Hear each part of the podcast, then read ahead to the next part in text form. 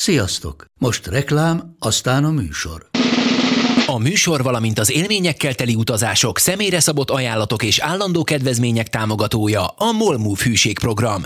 Nyisd meg a Molmove appot a profilodba belépve, add meg az utazási promóciós kódot, és tankolj Molevo és Evo Plus üzemanyagjainkból 15 forint per liter kedvezménnyel. Ne feledd, az utazási promókóddal most még jobban megéri Molmove tagnak lenni. Vége a reklámnak, jön a műsor.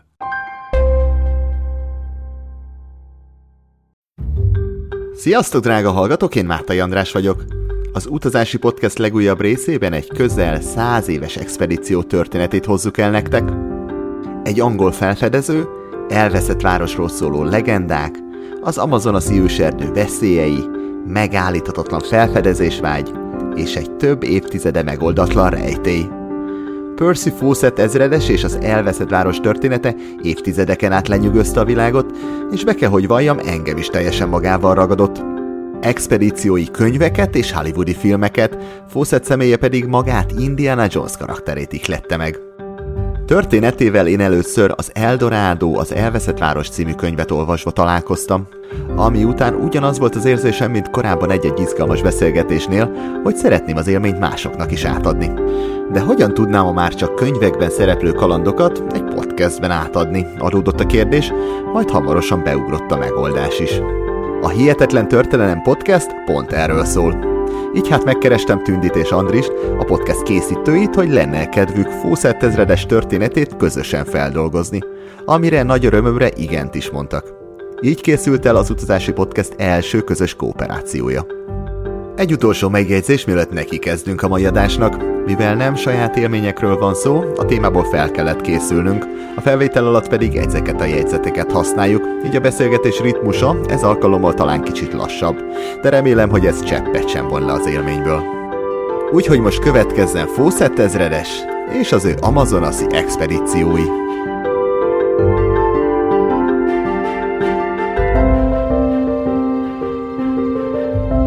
kezdjük talán ott, hogy helyezzük el időben, hogy hol járunk.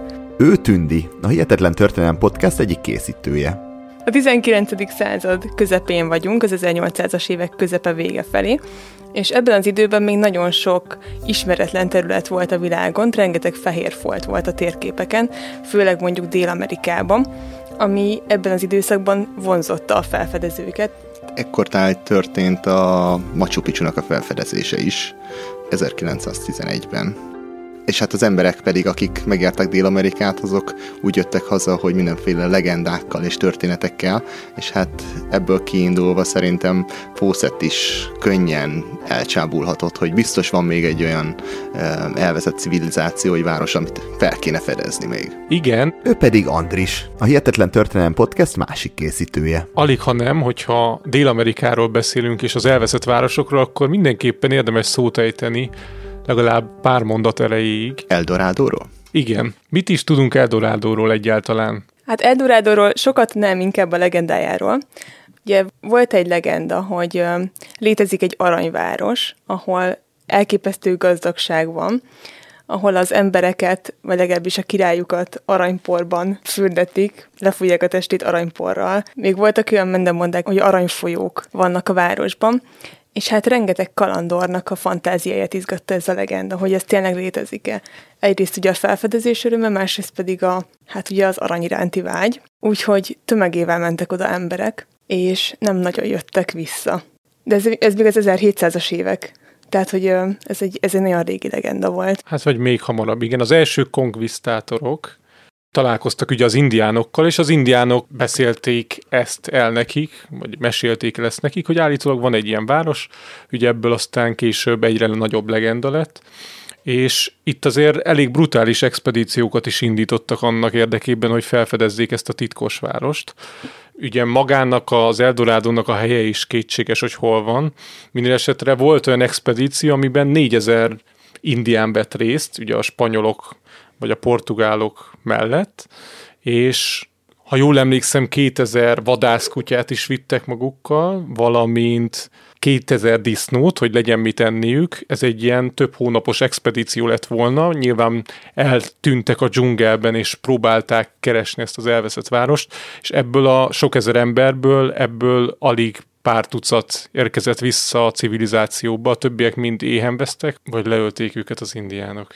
Te említetted ezt a földrajzi elhelyezést, és ugye az inka civilizáció az körülbelül a mostani Chile és Ecuador között húzódott, és hogy amikor az emberek arra gondolnak, hogy spanyolok, portugálok felfedeztek um, régi romvárosokat, akkor általában azt az inka civilizációhoz lehet kapcsolni, viszont Eldorado az Kolumbiához kapcsolódik, és van egy tó is, Laguna Guatavita, Kolumbiában, amiről azt állítják, hogy az Eldorádónak a, a legendás tava, és ott nagyon masszív ásatásokat is végeztek még a modern időkben is, aztán egyszer csak azt mondta a kolumbiai kormány, hogy ebből elég, és elég sok ember ott meg is halt, és azt mondták, hogy vége itt a kincskeresésnek, lezárták, nemzeti parkot csináltak belőle, és azóta nem lehet ott ilyen ásatásokat végezni, de azért Eldorado azért kapcsolódik Kolumbiához, például a Bogotai Nemzetközi Repülőtér is erről kapta nevét, Eldorado Nemzetközi Repülőtér, úgyhogy kicsit inkább az Eldorádónak a a legendája az nekem egy kicsit Kolumbiához kapcsolódik, mint hogy így egész Latin Amerikához, de hát ez ugye egy nagyon könnyen összemosódik mindennel, főleg az ember, amikor aranyról hall, és azt mondja, hogy na, menjünk el egy eh, felfedezni egy idegen civilizációt, akkor így könnyen összemosódnak ezek a dolgok. Igen, pontosan. Hát valószínűleg egyébként ez az aranyváros még mindig, mindig izgatta az emberek fantáziáját ebben az időben, de egyre inkább az, hogy vajon léteztek-e még elfeledett civilizációk. Tehát például Fawcett nem is annyira a kincset akarta megtalálni, meg, meg a korabeli emberek, hanem itt már ilyen régészeti leletekre voltak kíváncsiak, és hát ilyen nagy felfedezésekre, mint például a Machu Picchu. Ugye ez egy, tényleg egy hatalmas felfedezés volt, és el sem tudom képzelni, milyen érzés lehet mondjuk tényleg hónapokat vagy heteket tölteni a dzsungelben, és egyszer csak megpillantani a hatalmas épületeket, és konkrétan felfedezni egy elmúlt civilizációt. Ez óriási, óriási felfedezés. Úgyhogy én abszolút megértem Fószetet, hogy, hogy ő vágyott egy ilyenre, egy hasonló élményre, meg hát valószínűleg a dicsőségre is. Ezt azzal egészítenem ki, hogy érdekes, hogy mindenki azt mondja, hogy felfedezte ő Machu Picchu-t, igazság szerint Machu Picchu ott volt, és ugye helyik ismerték is, de hogy mindenki azt mondja, hogy Binkham fedezte fel, pedig őt egy helyi vezető vitte oda föl, és ő mutatta meg neki, hogy ott van egy dzsungellel benőtt romváros. Ő volt az, aki publikálta, és mégis az ő nevéhez kötik ennek a felfedezését. Jogos, jogos, jogos. Aztán az ilyen fehér európai embernek az egója kicsit, hogy én találtam, meg én fedeztem föl, de tényleg valóban, ahogy mondod, nyilván ott volt, és tudtak már róla a helyek.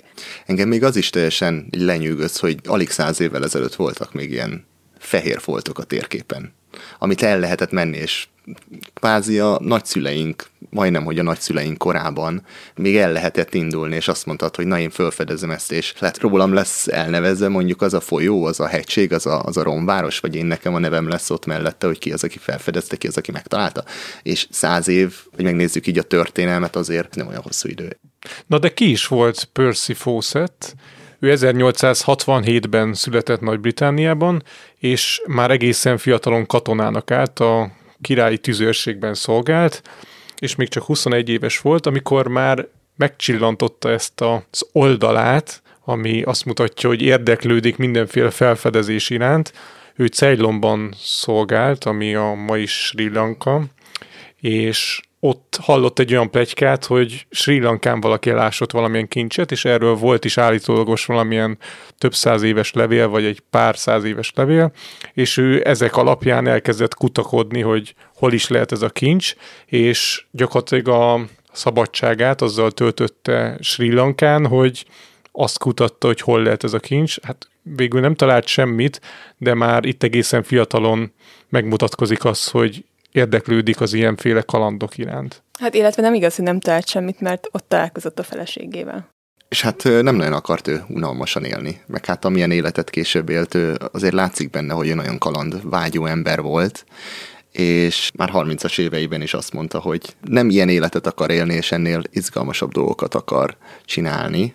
És egyébként, hogyha belegondolunk, tényleg nem olyan izgalmas élet a, mit tudom a kelet-indiai társaságban katonának lenni, tehát oké, okay, voltak apró harcok, de általában az ember ott szolgált éveken keresztül egy helyőrségben, és nem kellett csinálni semmit. Tehát ez azért nem egy túl vonzó állás annak, aki kalandokra vágyik. Úgyhogy tett is azért, hogy, hogy izgalmas lehessen az élete, és elvégzett egy, hát mondhatni gyors talpaló geográfus képzést, ahol igazából arra, ki, arra képezték ki a résztvevőket, hogy pont az ilyen felfedezésekre, tehát olyanokat tanultak, hogy uh, hogyan kell különböző sérüléseket, betegségeket ellátni, mondjuk kigyumarást hogyan lehet gyógyítani, olyan szituációkra készítették fel őket, hogy mit tehetnek, hogyha éheznek. Tehát például milyen bogarakat, növényeket találhatnak, amit ugye meg tudnak enni, meg egyéb ilyen műszaki, műszaki ismereteket is szereztek, úgyhogy ez igazán hasznosnak bizonyult a későbbiekben. Ez a képzés pedig a Királyi Földrajzi Társaságnak volt a, hát egy tanfolyama, mondjuk így. Mondhatjuk, mint egy OK-s képzés? Mondhatjuk, igen, egy ilyen gyors talpalóként,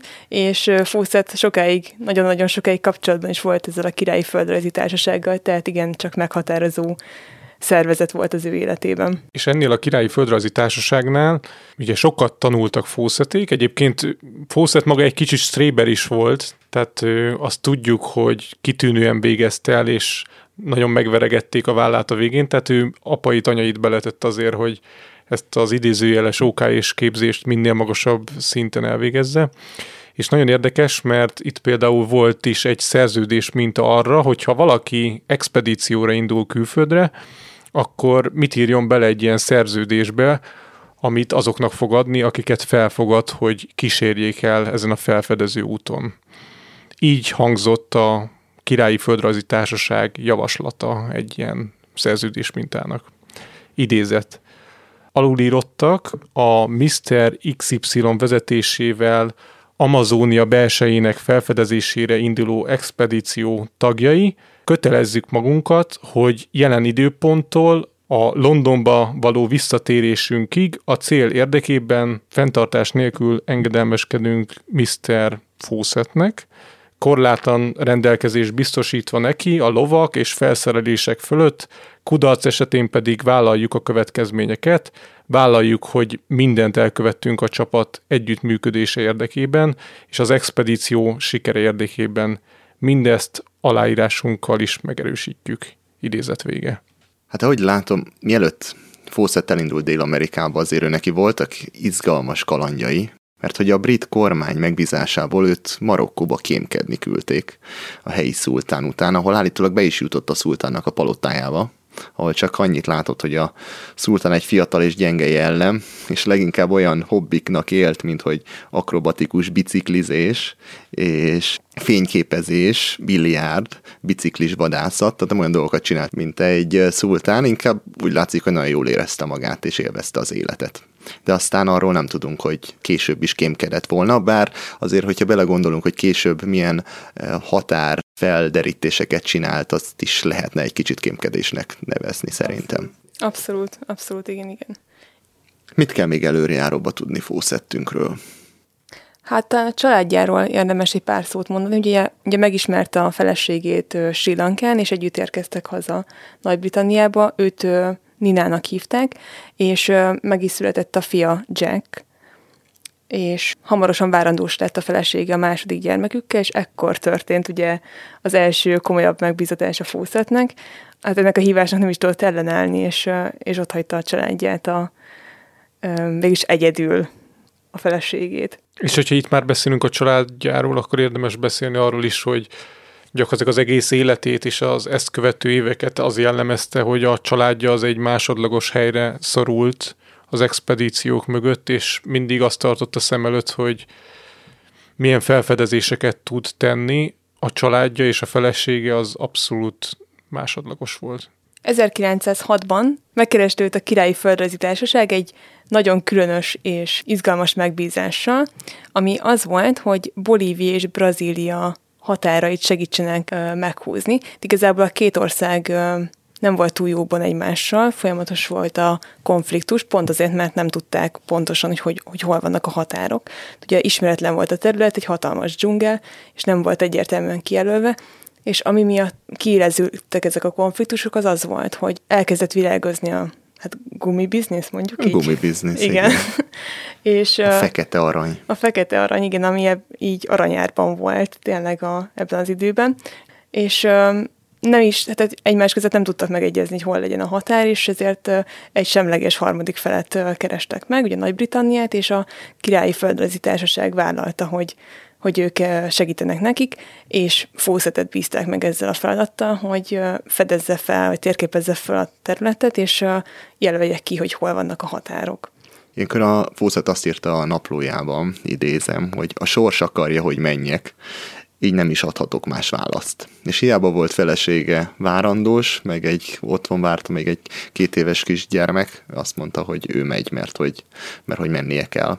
És hogy milyen érdekes még az, hogy egészen addig, amíg nem találtak egy olyan alapanyagot, ami értékes lenne, és amiért érdemes lenne meghúzni azt a határt, addig senkit nem érdekelt, hogy a dzsungel közepén hol van vége Brazíliának, honnan kezdődik Bolívia, de amint arról volt szó, hogy itt már pénz van, és hogy honnan fogják azokat a kaucsukfákat megcsapolni, onnantól már is egyre izgalmasabb lett a dolog, és egyből meg kellett húzni azt a, azt a határt. És mit tapasztalt, amikor beért a dzsungelbe? még nem is kell a dzsungelbe beérnie, hogy, hogy megérkezett, nagyon részletesen leírt mindent. Nekem nagyon tetszett például az a, az a mondat a, a naplójában, amikor azt írja, hogy ebben az időben a láma trágya volt az egyetlen tüzelő, és hogy az idegeneknek hozzá kellett szokniuk a csípős ízéhez, mely átjárta teljesen az ételnek az ízét. Úgyhogy hát bele kellett szokniuk, de hamar, hamar bele is jöttek. Az elején a fizikai megterhelések hatására még izomlázuk volt, meg megfeküdte a gyomrukat az étel, tehát hogy egy szükségük volt erre az akklimatizációra. És általában az expedícióit két oldalról indította, vagy Peruból, vagy pedig Brazíliából, mondjuk Rio de Janeiroból. És az érdekessége, hogy bár a legtöbb idejét az ugye a dzsungel mélyén töltötte, ahol forróság volt, magas páratartalom és mindenféle egzotikus állatok. Itt viszont Peruba nekik először át kellett kelniük az Andokon, ahol hideg volt, sokszor hóesés, és teljesen más veszélyek voltak, hogy például leesnek egy szikláról. Hát mert nem is, hogy nem is akár, hogy keltek át ezen a hegységen, hanem összvér háton.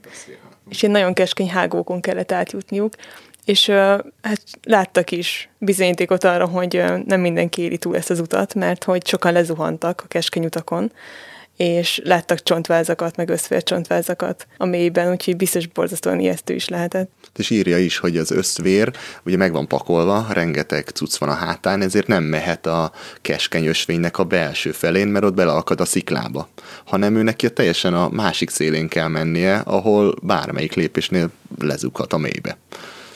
Tehát konkrétan az ember élet egy állatnak az ösztönétől függ. Körülbelül igen itt volt az első, amikor ő találkozott az indiánokkal, a benszülöttekkel, illetve azzal, hogy mennyire semmit nem ér itt az emberi élet. Vagy hogy leírja, hogy megérkezett az első gumikonjunktúra faluba, ahol a gumitermelők laktak, és hogy az árok szélén ott volt egy hulla, és hogy senki nem foglalkozott vele. Aztán később, ahogy erről még többet-többet ír, akkor már egy ilyen, az embernek lehet egy elképzelése, hogy hogy, hogy tekintettek az ember életre akkoriban, de így az első ilyen e, rácsodálkozás az, az itt volt meg. Ezekről a gumikonjunktúrákról érdemes egyébként még egy kicsit többet beszélni, mert igen, csak érdekes dolgokat tapasztaltott Fószet. Tehát ugye ezek igencsak etikátlanul működtek, mondjuk így, ezek a vállalkozások. Ugye itt azon dolgoztak, hogy kinyerjék a kaucsuk fából a, hát végül is a nedvet, amiből a gumit állították elő. És ahogy mondtad, András, hogy így az ember élet az nem nagyon számított, és viszont óriási volt a munka, és a dolgozókkal iszonyatosan embertelenül bántak. Sőt, igazából még a rabszolgaság is előfordult, ugyanis a, a helyieket nagyon kizsákmányolták. Igen, sok helyen indiánokat használtak arra, hogy, hogy ezt, ezeket a gumi konjunktúrákat működtessék, és elég részletesen ír Fawcett erről a naplójában, hogy ez, ez hogyan is nézett ki. Ez a biznisz nagyon profitorientált volt, és aki a tetején volt az üzletnek, ő mindent megpróbált eltenni, és akik meg dolgoztak nekik, ők nagyon alacsony sorban éltek. Ahogy Tündi mondta, gyakorlatilag rabszolgasorban. És a bizniszek vezetői mindig arra próbáltak hajazni, hogy amennyire lehet, megpróbálják saját adósukká tenni azokat, akik dolgoznak a földjeiken, vagy hát itt az erdőben, a gumiültetvényen, és azáltal, hogyha már az adósaik, akkor nem mehetnek el, vagy meg vannak úgymond fenyegetve, valami odaköti őket, úgyhogy ezeken a telepeken nagyon sokszor az élelem, meg a felszerelés, ezek mind olyan dolgok voltak, amiket csak magától a gumiültetvény vezetőjétől tudtak az emberek igényelni, így pénzügyileg mindig hozzájuk voltak kötve ezek az emberek, akik ott dolgoztak. Úgyhogy egy nagyon kiszipolyozó és kegyetlen munka volt ez, és hát itt elég durván sokszor át is verték azokat, akik el akartak szökni ezekről a gumi konjunktúrákról. Fawcett egy külön is választja, hogy volt a tényleges rabszolga tartás, ami egyébként illegális volt, és mind a brazil, mind a bolíviai, mind a perui kormány teljesen elítélte, de ennek ellenére Isten háta mögött, hát ki tudta ezeket ellenőrizni, úgyhogy működött még az a fajta rabszolgaság, hogy mondjuk bementek a fehér emberek indiánok közé, benszülöttek közé, és egyszerűen elrabolták őket, elvitték őket rabszolgának, az asszonyokat megerőszakolták, leölték őket, és a férfiakat meg elvitték dolgozni, de működött ez a másik fajta, amit említettél, hogy adósság csapdába kergették őket, és itt nem csak helyiek voltak, hanem ahogy olvastam, akár európaiak is belekerültek ebbe, és Fawcett találkozott olyan láncra vert európaiakkal, akik németek voltak, osztrákok, svájciak, akik beleestek ebbe a csapdába, és nem tudtak kikeveredni, és hát ugye a cég azzal védekezett, hogy mivel tartozása van felé ennek az embernek, ezért nem engedhetem el. Illetve még a, ezen a területen élő indiánokkal is borzasztóan kegyetlenül bántak, és ha valaki megvásárolt egy, egy földterületet, hogyha már élt rajta egy indián törzsvédcsalád, akkor tulajdonképpen ezek az emberek is a tulajdonába kerültek, és onnantól kezdve pedig elkezdték őket dolgoztatni.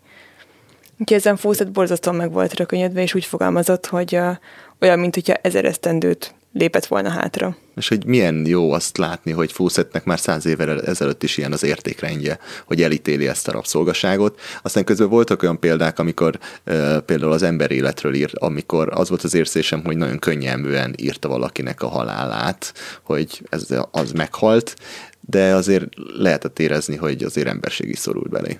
Igen, talán Fawcett naplójából az derül ki, hogy, hogy nagyon ilyen tárgyilagosan mesél el a történeteket, és mindig azt lehet érezni, hogy ő csak a tényekre kíváncsi, és azt szeretné leírni és megörökíteni a múltnak. Az, hogy benne milyen érzéseket vált ki, az szinte sose derül ki. Ugye itt az ember életek kapcsán van is egy jelenet, amikor bedőlnek a hajóval a felfedezők, és az egyik indián beleesik a, a vízbe, és róla azt írja a naplójában Fawcett, hogy a parton álló törstagok hangos kacajban törtek ki, és nézték, hogy hogyan fullad meg az az egy ember, és hát ott ez volt az általános. És hát ugye ez az ember végül megfullad, de ezen jól szórakoztak a parton álló emberek. Egyébként sok, nagyon sok ilyen visszatérő kép van. Most például az egyik beugrik, hogy volt az egyik családapa, aki szintén valahogyan beleesik a vízbe, és a, hajóba kapaszkodva segítségért kiállt, és amikor odaér a segítség, látják, hogy a teljes testét már lerágták a piranyák, és csak a két karja ló ki a vízből, amivel kapaszkodik a csónakba, és a, a gyermeke és a felesége ezt mind végignézte, és a végén csak így meghúzták a vállukat, és akkor így azt írja Fawcett, hogy na most akkor új kenyérkereső után kell nézniük. De hogy úgy igazság szerint nem nagyon rászkódtak meg ettől. Amúgy most így belegondolok, hogy miket tudok így az indián törzsekről, meg ugye ezekről a természeti népekről, szerintem ezeken a területeken nem igazán volt jellemző, hogy valaki mondjuk megéri az időskort. Tehát ugye mindig vannak az ilyen falu vagy törzsvénei, egy-két ember, de igazából mindenki meghalt fiatalon. Mert hát végül is elég sok veszélyes dolog volt ugye a dzsungelben, meg, meg körülbelül kismillió dolog, ami megölhette az embert. Tehát, hogyha nem éppen egy ellenséges törzs, akkor maga a természet. Úgyhogy hát ez a halál, ez nekik valószínűleg nem volt annyira megrendítő, mint mondjuk egy, egy városi, civilizált európai embernek. Még közben az indiánokról az jutott eszembe, hogy Fawcett csoportosította őket, nagyon sokat írt róluk, hogy ők hogyan viselkednek, miket csinálnak, és például há- három különböző kategóriába csoportosította őket. Van a tanulékony, aki hát egy nyomorúságos fajta, ahogy írja, és könnyű megszelidíteni. Aztán van a visszataszító emberevő, akit nagyon ritkán lehet látni, de Fawcett is találkozott velük, illetve az erős és tisztességes indián, akiknek ősei valószínűleg civilizált emberek voltak, és ővelük is ritkán lehet találkozni. Egyébként maga Fawcettnek a hozzáállása a helyiekhez szerintem az abszolút korrekt, hogy fel volt arra készülve, hogy, hogy primitívebb emberekkel fog találkozni, és hát valószínűleg, nem tudom, egy csapattal ment, könnyedén rájuk lőhetett volna, tehát valószínűleg, hogyha mindenki a puskájával megcéloz egy ilyen csoportot, és mondjuk az indiának pedig mondjuk nyilakkal támadnának, akkor ugye esélyük sincs, de hogy, hogy ő szerintem abszolút tisztelettel állt hozzájuk, hogy, hogy végig tudta, hogy ő megy az ő földjükre, és nem ilyen hódító hozzáállással ment oda, hanem ugye a felfedezőnek a kíváncsiságával és ez szerintem ritka az akkori korban. Általában, ha ilyen 19. századi, 20. századai felfedezők könyveit olvassuk, vagy visszaemlékezéseit, szinte mindenhol azt köszön vissza, hogy nem tisztelték a benszülötteket, de Fawcettnek ez a tisztelet, ez, ez végig érezhető a naplójában, és ahogy Tündi is mondja, csak az utolsó utáni esetben jöhetett a szóba, hogy előveszik a fegyverüket. Inkább az életüket kockáztatták sokszor azért, hogy ne bántsák az indiánokat, és megpróbálják békés úton elérni azt, amit el akarnak érni, hogy akár keresztül menni egy adott törzsnek a teritoriumán, vagy barátkozni velük. Viszont az indiánok nem voltak mindig ilyen békések velük, tehát ők valószínűleg az idegen hódítót látták bennük ugye a fózatban és a csapatában, és mondhatjuk, hogy nem is alaptalanul, hiszen én feltételezem, hogy a fehér embereknek így szájról szájra terjedt a hírük, és hát ugye a gumiültetvényeken valóban kegyetlenül bántak az őslakosokkal. Úgyhogy nem egyszer előfordult, hogy rátámadtak fószatékre, és egy nyílzápor keresztüzében találták magukat, és hát fel kellett magukat találniuk. Ez jó, hogy említed ezeket a nyilazásokat, mert az is külön leírja Fószet, hogy a benszülöttek mennyire komoly nyilazási technikát sajátítottak el. Ahogy írja, hogy például az volt a feladata egy fiatal indiánnak, hogy úgy megtanuljon lőni, hogy mondjuk átlőve a kunyhó fölött a túloldalon egy fán lógó gyümölcsöt is el kell, hogy találjanak és ami még érdekes volt szerintem, hogy mennyire erősen lehetett ezzel lőni, hogy nyílzáporba kerültek, volt, hogy a hajójuknak a falát is átlőtte egy, egy nyílvesző, és azt írja, hogy az kb. 4 centi vastag fa lehetett. Tehát ugye elképzelitek, hogy milyen erővel kell az, azt a nyílveszőt kilőni, hogy egy 4 centi vastag fa, fa darabot átlőjön. Hát az, hogyha az egy embert eltalál, akkor, akkor nem sok kérdés marad. Fúszetik első expedíciója, igen, csak mozgalmasra és izgalmasra, sőt nagyon veszélyesre sikeredett, de szerencsésen sikerült meghúzniuk a határt, úgyhogy teljesítették a küldetést, és hazatértek Angliába. Szerintem itt már Fawcett teljesen dzsungelláncban égett a jó értelemben, és megfertőzte egy életre, és alig várta, hogy visszamehessen.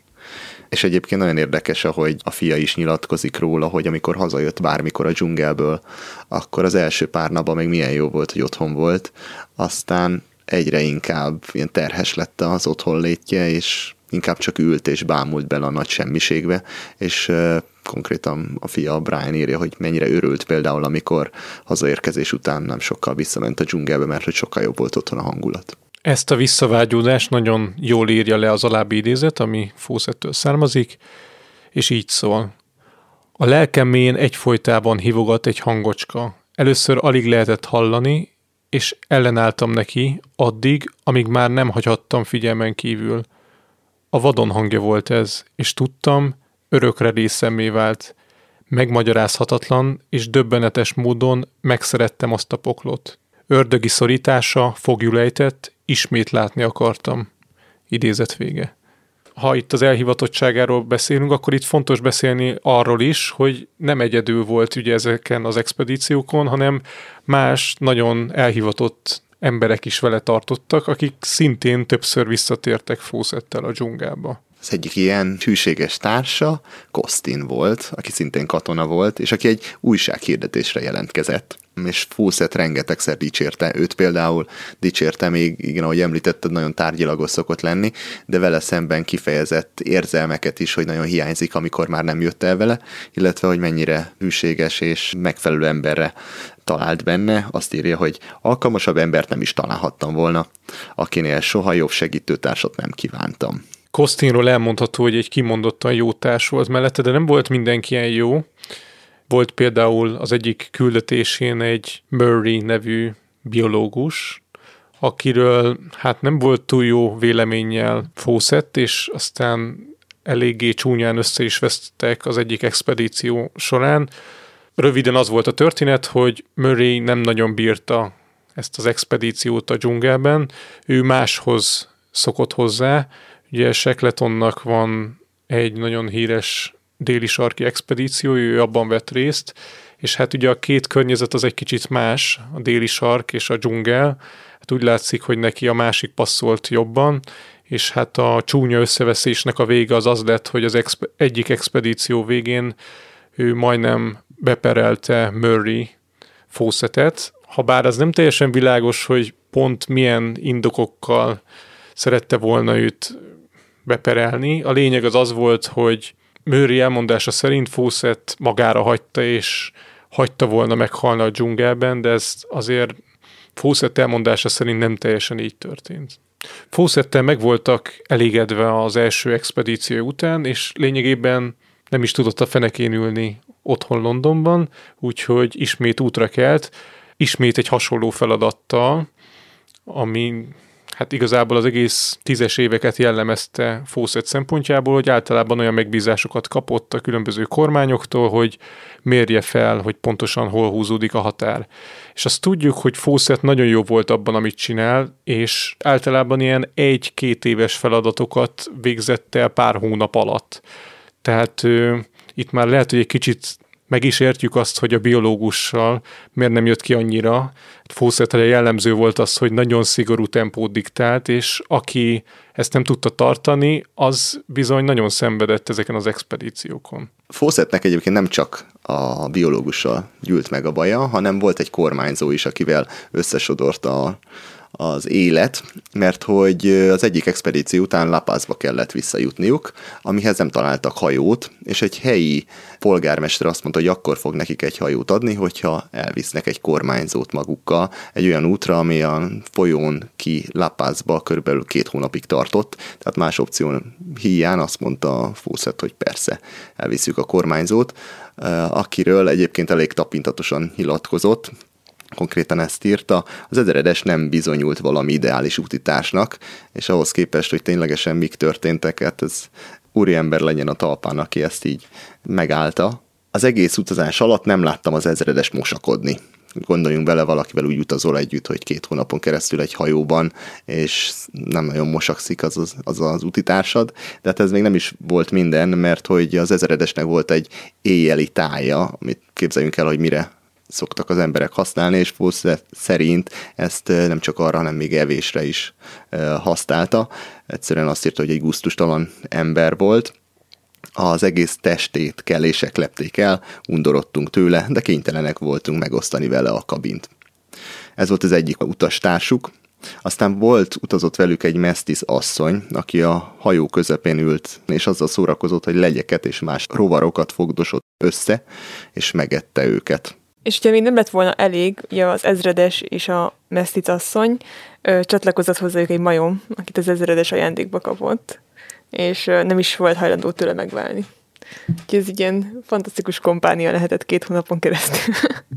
Talán itt említi először a piranyákat, hogy amikor egy majomhúst csináltak meg vacsorára, és a, és a legénységnek azon tagja, aki ezt a majmot feltrancsírozta, le akarta mosni a kezét a folyóban, a vére összegyűjtek a piranyák, és két ujját le is harapták neki. Egyébként a piranyák kiderül Fúszat írásaiban, hogy tényleg borzasztóan vérszomjas és veszélyes halak. Például volt egy olyan büntetés a helyiek körében, hogyha hadifoglyokat ejtettek, hogy a hadifogoly hasán vágtak egy, hát egy kis vágást ejtettek, és kikötözték egy konkrétan melégírő vízben. Tehát nem fulladt meg, hanem élt az ember, viszont a piranyák oda gyűltek a vérre, és hát, hát ők végeztek az emberre. Fúszet ismét csak hazakerült, és a, megint csak nem tudott otthon maradni, megint visszahúzta a szíve a dzsungelbe, úgyhogy 1908-ban a Rio Verde forrásának a feltérképezésére vállalkozott, és ez volt a következő expedíciója és erre írta Fawcett, hogy minden ember életében legalább egyszer szembe kerül a halállal. És ezt nagyon részletesen leírja, szinte napról napra és szerintem ezen végig is mehetünk, és hogy a hallgatók is kicsit átéljék, hogy milyen kitartása volt ennek az embernek, és milyen szenvedéseket kellett ott átélniük a dzsungelben. Az expedíció során alig volt élelmük, és egyre inkább kritikussá vált az, hogy tudnak-e maguknak szerezni élelmet. A napló bejegyzések így hangoznak egyébként.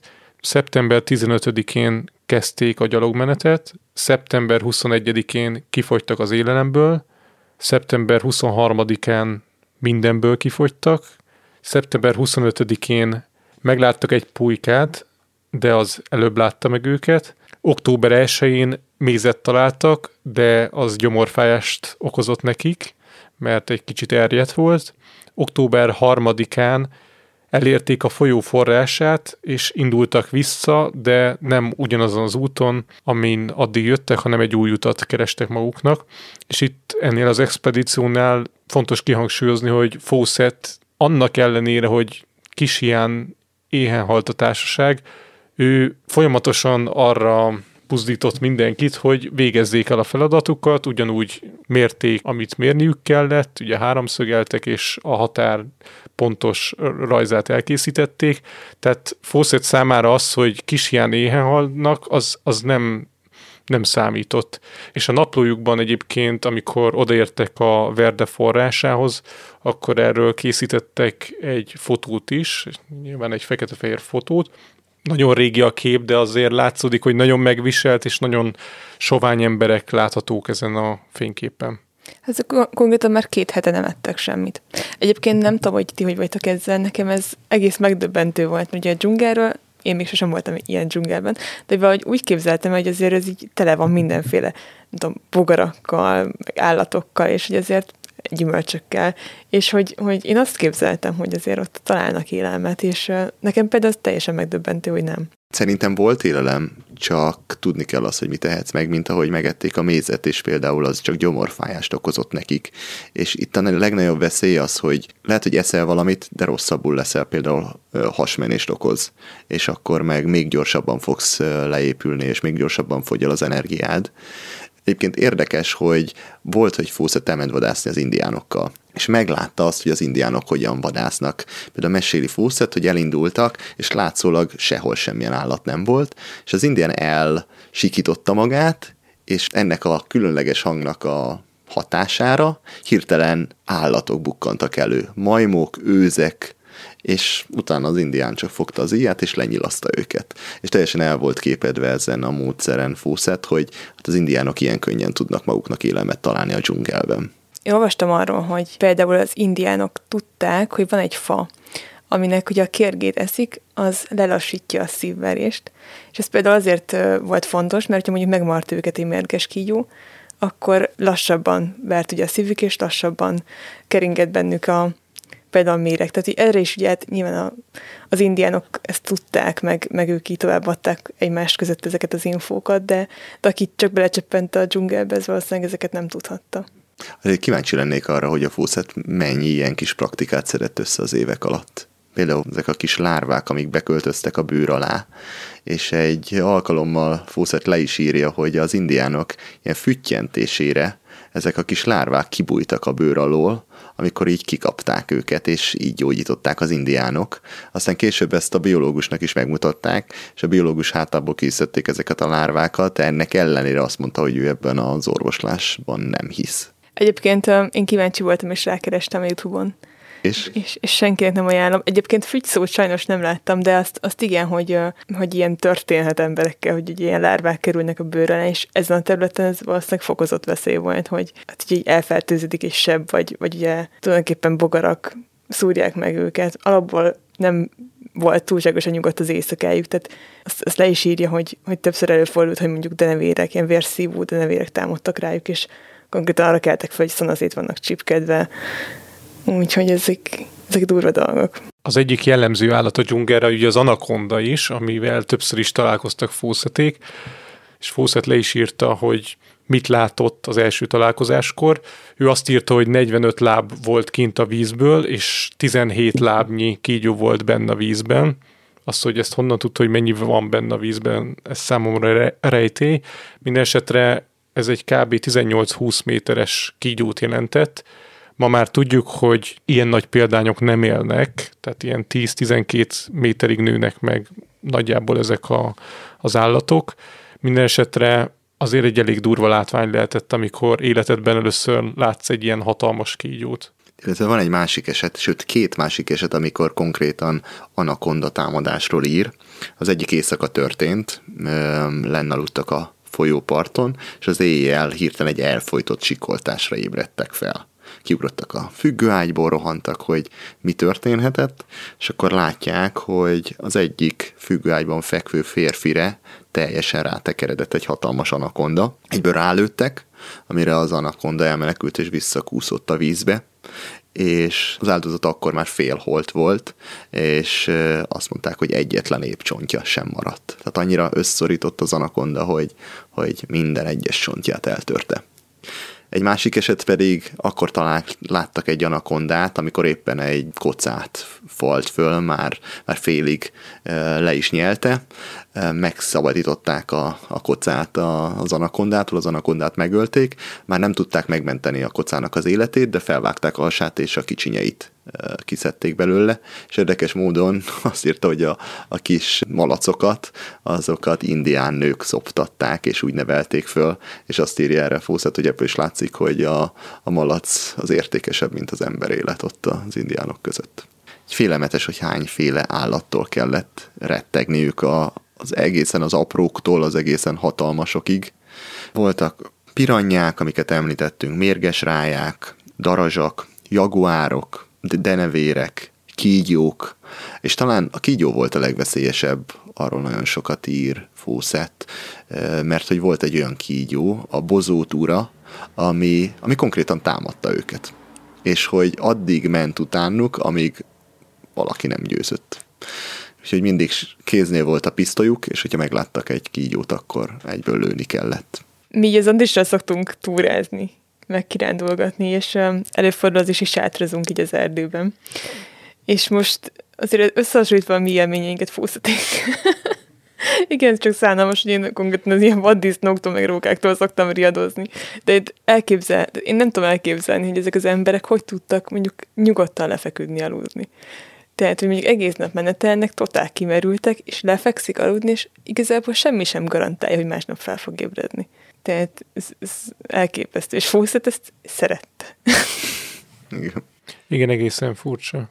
És itt ugye volt is a biológus, akiről beszéltünk, aki az egyik út során annyira nehezen vette az akadályokat, hogy eldobálta a felszerelését, és többek között eldobta a függőágyát is, és így a földön kellett aludnia, ami hát nem tudom elképzelni, hogy mennyire stresszes lehetett, hogy mindenféle kígyók, bogarak, és te ott fekszel a földön, hát nem tudom. Még két állat van, amit szeretnék azért elmesélni a hallgatóknak. Az egyik a brazíliai tűzhangya, a másik pedig a, hát én csak úgy hívtam, a fütyihal, de kezdjük a, a tűzhangyákkal. A mérges és rendkívül fájdalmas csippésű braziliai tűzhangya, aminek a kedvenc fészke egy fa, és előfordult, hogy nem ismerték meg ezt a fát, és a függőágyukat konkrétan erre a fára kötözték ki, és akkor hát éjszaka a delikvens arra ébredt, hogy ezek a tűzhangyák szétcsipték, és konkrétan ezeket a csípéseket használták büntetésként is a helyi közösségekben, amikor valakit például lopáson kaptak, akkor ennek a fának a törzséhez kötözték ki, és ez egyenlő volt a halálos ítéletével.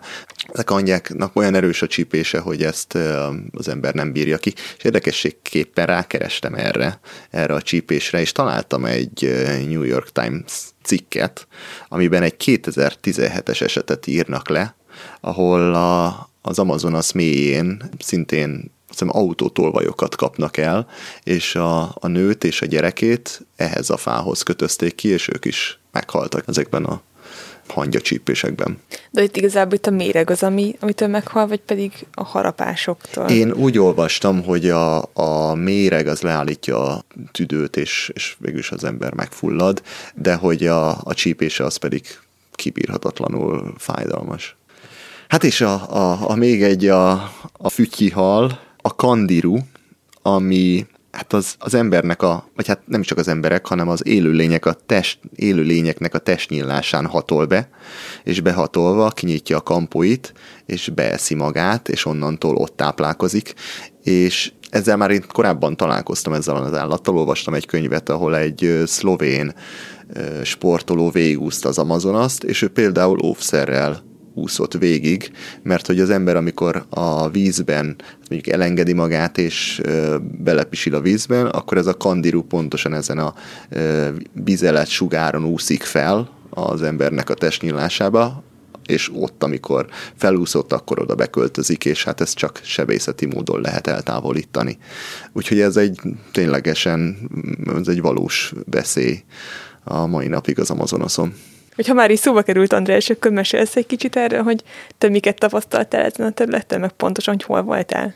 Én az Amazonas folyót volt szerencsém látni, és dzsungelben is jártam, ez Dél-Kolumbiában történt, és Jagua indiánokkal találkoztam, és ő náluk töltöttünk pár napot. Ez egyébként egy forgatás volt még hát kb. tíz évvel ezelőtt, és hát innen a legkedvesebb emlékem az volt, amikor az egyik indián éppen mondta, hogy megy el vadászni, és megkérdeztem, hogy elmehetek-e vele. És azt mondta, hogy persze, miért ne. Ő neki egy puskája volt, és hozzá két darab golyó, mert hogy ez így ki volt számolva, hogy amikor öm, elviszik a terményüket a piacra és elcserélgetik, akkor ők ennyit sikerül elcserélni, és ezt kell beosztaniuk, egy körülbelül kutyanagyságú hörcsökszerű állatra vadáztunk, és hát így nem igazán volt elképzelésem, hogy hova megyünk, mit csinálunk. Arra emlékszem, hogy én felvettem egy fehér hosszújú pólót, az volt, a, arra gondoltam, hogy na hát az jó, mert az védi a kezemet, és a, mondta a, a vadász, hogy hát a fehér az egyáltalán nem jó, mert arra fog jönni minden bogár és mindenféle, úgyhogy nem baj, ha nem hosszú ujjú, csak bármi másba jöjjek. Úgyhogy akkor azt lecseréltem, és elindultunk az erdőbe, és ez a vadász úgy járt, mintha, mint a budapestiek a belvárosba tudta, hogy melyik fánál merre kell kanyarodni, és hát sajnos nem lőttünk semmit, nem, nem, nem láttunk semmit, de amikor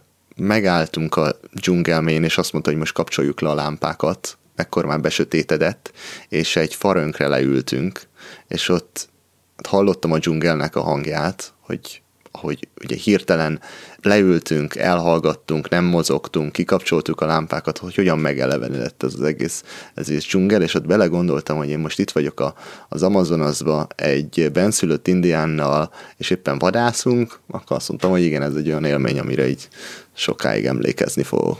Tehát akkor te igazából megérted azt, hogy fószett. Én, én, én, igen, igen, ez, ez engem tud vonzani, és hogy vannak ilyen veszélyek. Most persze nem azt szeretném, hogy belém költözön valamilyen lárva és hasonlók, de, de ez így engem is úgy hívogat. Tehát amikor olvastam a Fawcettnek a könyvét, akkor így nagyon átéreztem, hogy, hogy milyen lehet ez a felfedezés, és hogy milyen izgalmas lehet, és értem, hogy ő miért ment, ment vissza. Jaguar törzsel egyébként még érdekesség, hogy amikor visszamentünk a falujukba, akkor már ott nagyba ment a délutáni foci, vagy hát esti foci. A törzsfőnöknek volt generátora, és ő neki volt egy lapos tévéje, és azon a Forma egyet nézték a, a benszülöttek. Egy olyan faluban, ahol a, a törzsfőnökön kívül, mondjuk laktak mondjuk százan, a törzsfőnökön kívül még soha el nem hagyták a, a falujukat. Tehát az emberek úgy nézték a tévét, és kvázi az egész világot, hogy ők a falujukat még el se hagyták. És kis vályog, szalmaházakban laknak, és közben nézik a spanyol telenovellákat a tévében, ami mondjuk Bogotába vagy Mexico City-ben játszódik, ahol autók vannak, és minden technika és fejlettség, hogy ez milyen lehet, milyen lehet ezt nekik úgy átélni, hogy hogy ja, az a világ, de mi itt lakunk a, a dzsungel mélyén. Angolul beszélgettetek? Spanyolul. Spanyolul. Ők spanyolul beszéltek, úgyhogy mi is spanyolul beszéltünk velük. Ettünk piranyát, meg kisütötték olajba, nem, hús, nem sok húsa volt, úgyhogy inkább csak az ember így leszopogatja a csontjáról a kis bürkéket, de nem mondom, hogy finom volt, itt kicsi, ilyen kis crunchy. És hát mi is találkoztunk mérges kígyóval, az a Korál nevű kígyóval, ami állítólag benne van a top háromban a, a világban. Hát a, a falu ö, körül körülbelül ilyen térdigérő fű lehetett, és mi ott hát ilyen ugye jó idő volt, mi papucsba mászkáltunk mindenhova. És másnap találtunk ott a tisztástól nem messze egy ilyen kígyót, mondták, hogy ez az a kígyó, ahol mi előtte mezitláb mászkáltunk. Mondták, hogy nem baj, tehát hogy megcsipett volna, hiába van mondjuk ellenszérumunk a sátrunkba, odáig se érünk el, úgyhogy nem érzel bele semmit, megcsip és véged van. Úgyhogy megnyugtattak. Mondom, nagyon jó. Gondolom, ezek után nagyon nyugodtan volt el. E- Ezután mindenki felvette a gumicsizmáját, mert ugye az elején mindenki az volt, hogy na, én nem fogok 40 fokba, meg ilyen hőségben gumicsizmát felhúzni, de ezután mindenki gumicsizmával mászkált. Na, de térjünk vissza Fawcetthez. Arra az expedíciójára, ahol azt mondta, hogy szembenézett a halállal, és ugye ott tartottunk, hogy elfogyott az élelmük már jó pár hete, és hogy még mindig forszírozta a csapatot, hogy a munkát azt el kell végezni, és az egyik segítőjük neki, hiszen ők segítőkkel mentek, a segítőknek a vezetője az egyszer csak eltűnt, és Fawcett utána ment, mert az gyanította, hogy ez a vezető ez elment meghalni. Mert hogy ezek a benszülött indiánok azt szokták csinálni, hogyha elfáradtak, vagy azt érzik, hogy közel a vég, akkor leülnek egy fatövében, és, és ott meghalnak. És Fawcett utána ment, elővette a kését, és azt mondta, hogy vagy felállsz és jössz velem, vagy most itt leszúrlak. És ezzel megmentette az életét. És ami egyébként a, hát mondhatni pikantériája ennek az esetnek, hogy később tulajdonképpen ez az ember volt az egyetlen, aki túlélte az egész expedíciót. Igen. Hatból ötük meghalt, és ez az egyetlen, ez a vezetőjük maradt egyedül életben, és a következő expedícióra már jelentkezett is, hogy szeretne Fószettel újra elmenni. De hogy hogyan menekültek meg? Hát ugye az, amit említettünk, hogy, hogy szeptember 15-én indultak, és már tulajdonképpen egy héttel később már kifogytak az élelemből, és itt már októberben járunk, tehát hogy már nem ettek semmit hetek óta. És ami érdekes, hogy volt velük két kutya, és felmerült, hogy egyik meg őket, mert az egyetlen hús forrás volt a közelben. Viszont ezt Fawcett elutasította, nem engedte nekik, hogy, hogy megegyék a kutyákat, és végül hát a kutyák sajnos nem élték túl, viszont legalább úgymond békésen meghalhattak, mert csak lekuporodtak a fűre is, és szegények, szegények nem keltek többet fel, de akkor sem ehették meg a kutyákat. És um, ekkor már majdnem egy hónapja voltak az erdőben, egyre kilátástalanabb helyzetben, és um, október 13-án Fószat úgy érezte, hogy ez az utolsó nap, és ekkor megláttak egy őzet, ami szinte lőtávolságon kívül volt, így mindenki elhallgatott, abszolút feszült csend, tehát tudták, hogy most ez az esély, hogy túlélhessék és ehessenek, és Fawcett leemelte a válláról a puskáját, célzott és lőtt, és el is találta ezt az őzet, úgyhogy uh, tulajdonképpen ez az, ami megmentette őket, hát kvázi az éjhaláltól.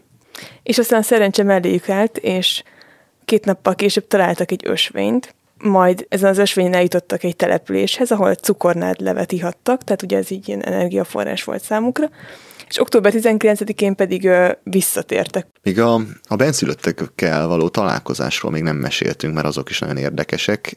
Az egyik ilyen alkalmat Fószat nagyon részletesen leírja. Ez egy olyan benszülött törzsel való találkozás volt, akikre azt mondták a helyiek, hogy barbár törzs, és hogyha találkoznak velük, akkor biztosan meg fogják őket ölni. Ők egyébként a Gárájó indián törzs volt, elindultak az indiánoknak a területén. Az első pár nap az eseménytelenül telt, majd a hatodik napon nyomokat találtak, és az egyik a folyóba, ahogy haladtak, egyszer csak az egyik kanyar után egy indián tábort pillantottak meg. Mind a két oldalon hatalmas zűrzavar lett az indiánoknál és náluk is, az indiánok elmenekültek az erdőbe, és hirtelen fenyegető csend lett. Fószaték egyből kihúzódtak a partra, és éppen, hogy ki tudtak érni, fedezéket kerestek, és hirtelen jött a nyílzápor. És hát itt egy érdekes történet, hogy Fawcett ilyenkor már megtanult bizonyos indián mondatokat.